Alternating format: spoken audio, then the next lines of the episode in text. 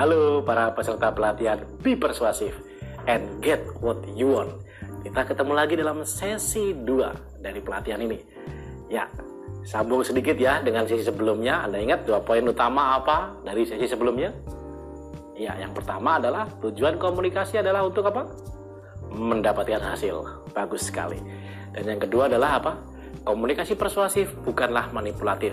Manipulatif adalah tergantung dari tujuan komunikasi itu sendiri.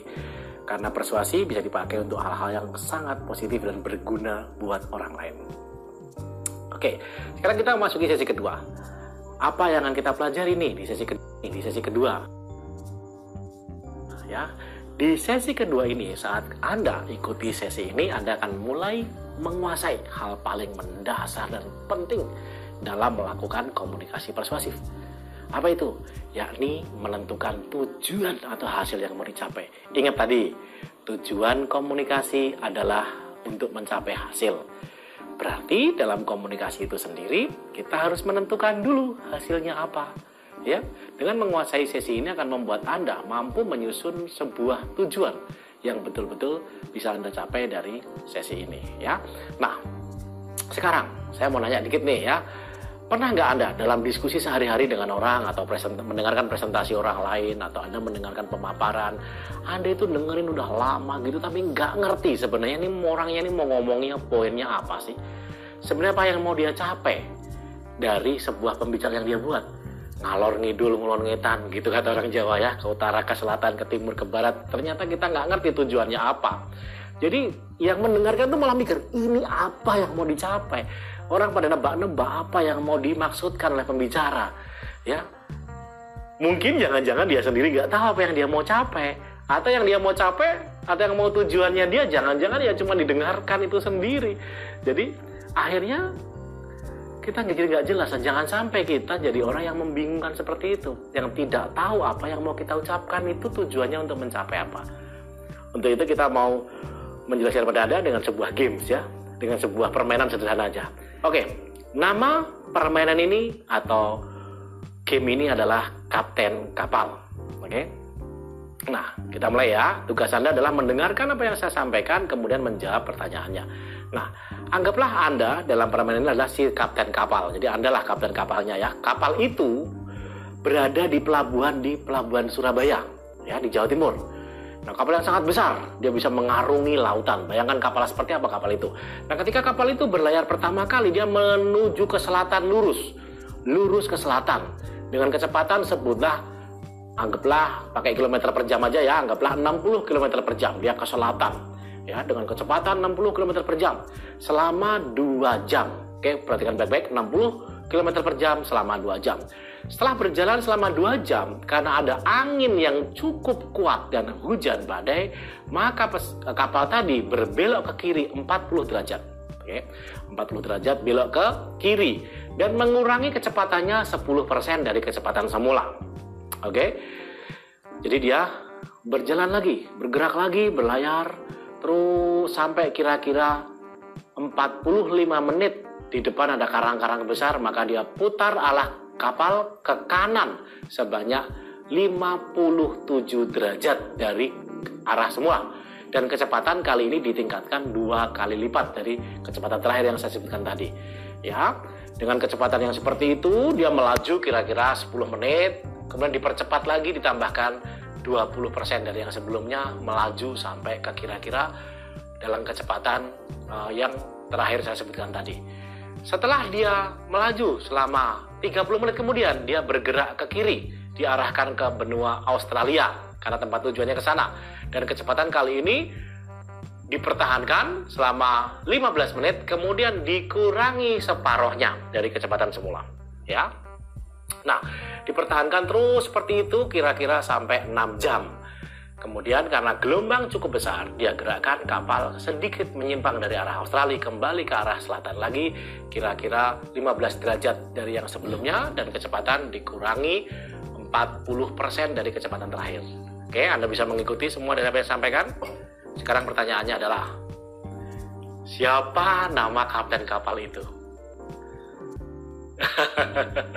anda kebingungan menjawabnya ya. Mungkin beberapa dari Anda berpikir nggak ada hubungannya antara cerita dengan pertanyaannya tadi ya. Jika Anda berpikir begitu, ya kurang lebih benar. Kenapa? Karena dari kisah saya tadi tidak jelas mau ke mana. Cerita bergerak derajat ke sini lah, kecepatan sekian kilometer per jam lah, berapa jam perjalanan lah. Yang ternyata hasil akhirnya cuma mau ditanya mengenai siapa nama kapten kapal tadi. Meskipun sebenarnya kalau dirunut-runut, sebenarnya dari awal tadi dikatakan bahwa bayangkan kapten kapal itu adalah Anda. Berarti mestinya nama kapten kapal itu adalah nama Anda.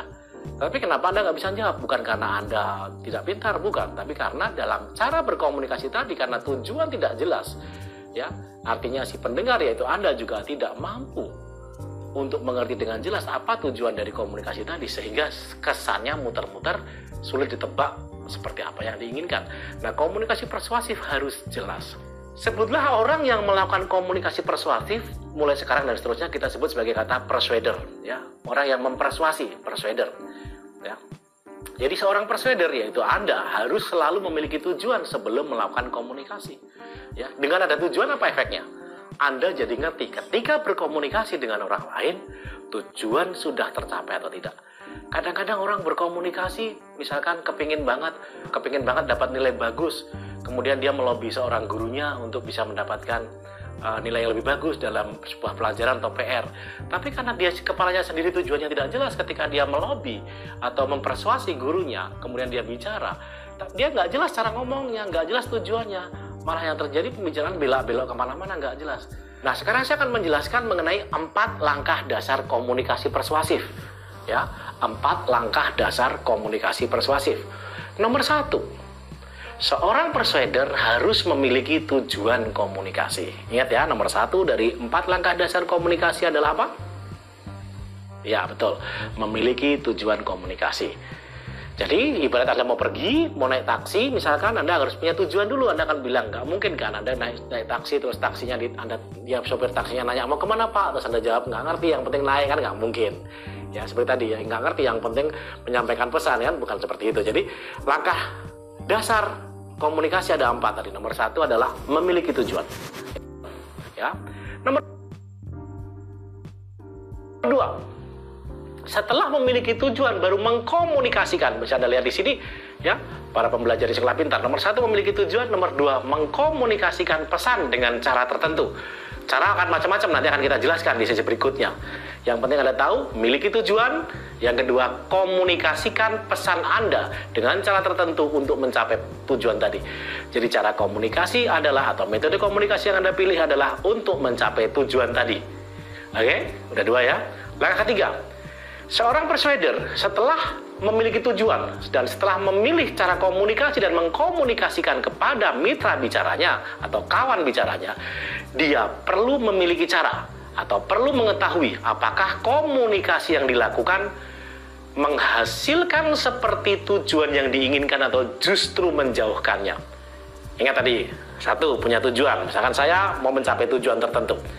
Kemudian saya melakukan sesuatu yang disebut komunikasi tadi yang ketiga adalah saya harus tahu apakah komunikasi yang saya lakukan mendekatkan saya pada tujuan atau justru menjauhkannya.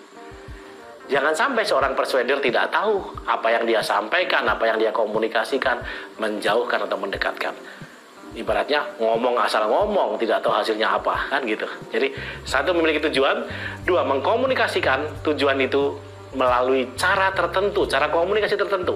Yang ketiga, memiliki cara untuk mengetahui apakah cara komunikasi yang dipilih mendekatkan dia dengan goalnya atau malah menjauhkannya. Dan langkah terakhir atau langkah yang keempat adalah apa?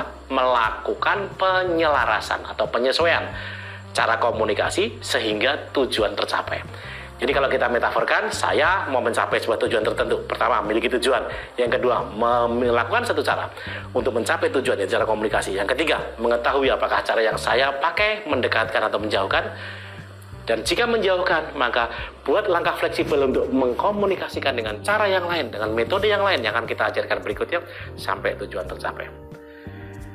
Memiliki tujuan, mengkomunikasikan dengan cara tertentu untuk mencapai tujuan komunikasi tadi?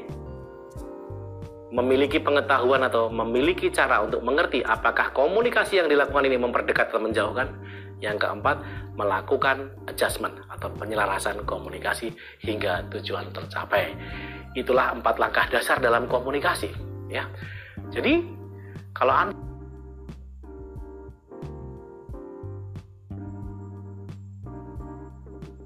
Anda sudah menentukan tujuan seperti itu, Anda dengan mudah. Nah, sekarang gimana caranya membuat tujuan itu? Ya, yang pasti dalam membuat tujuan komunikasi, Anda tahu hasil akhir apa yang mau Anda capai. Ya. Jadi bagaimana cara membuat tujuan tadi? Rumus dasarnya adalah satu. Rumus dasarnya cara membuat tujuan adalah dengan mengetahui hasil akhir apa yang mau Anda capai.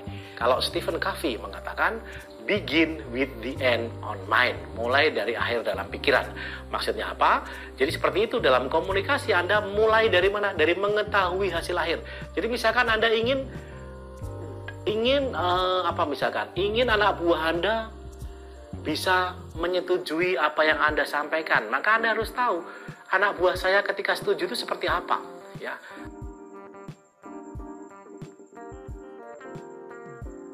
Anda perlu tentukan terlebih dahulu dengan jelas. Jadi tentukan dengan jelas hasil akhir seperti apa yang ingin Anda dapatkan dalam komunikasi persuasif Anda. Itu akan jadi patokan Anda untuk tahu apakah Anda perlu adjust atau tidak cara Anda mengkomunikasi. Ya, kalau kita bermain pada level iklan misalkan komunikasi persuasif ini bahkan lebih detail lagi seperti apa uh, metriknya, seperti apa, berapa misalkan berapa berapa produk terjual berapa orang yang mau lihat baliho kita, berapa jumlah klik dalam sebuah website. Itu bisa jadi tujuan komunikasi sampai sedetail itu. Dalam hal ini kita berpikir dalam hal yang lebih umum bahwa seorang yang berkomunikasi persuasif perlu tahu hasil akhir seperti apa. Jadi dia bayangkan dulu, Anda bayangkan dulu, oh saya ingin mencapai ini. Sehingga dalam bayangan itu akan jadi tolak ukur bagi Anda bahwa hasil tercapai apa tidak. Ingat, Anda hanya akan tahu jika pernah Anda tentukan hasil seperti apa yang anda ingin capai. Oke, jadi apa yang kita simpulkan dalam sesi kedua ini? Empat langkah dasar komunikasi persuasif. Satu, memiliki tujuan. Dua, lakukan komunikasi itu sendiri. Tiga, memiliki cara untuk mengetahui apakah komunikasi tadi mendekatkan atau menjauhkan kepada tujuan Anda. Keempat, berlaku adaptif atau berlaku uh, mau melakukan sebuah penyesuaian mengenai cara yang diambil dalam komunikasi tadi. Dan bagaimana cara menentukan tujuan?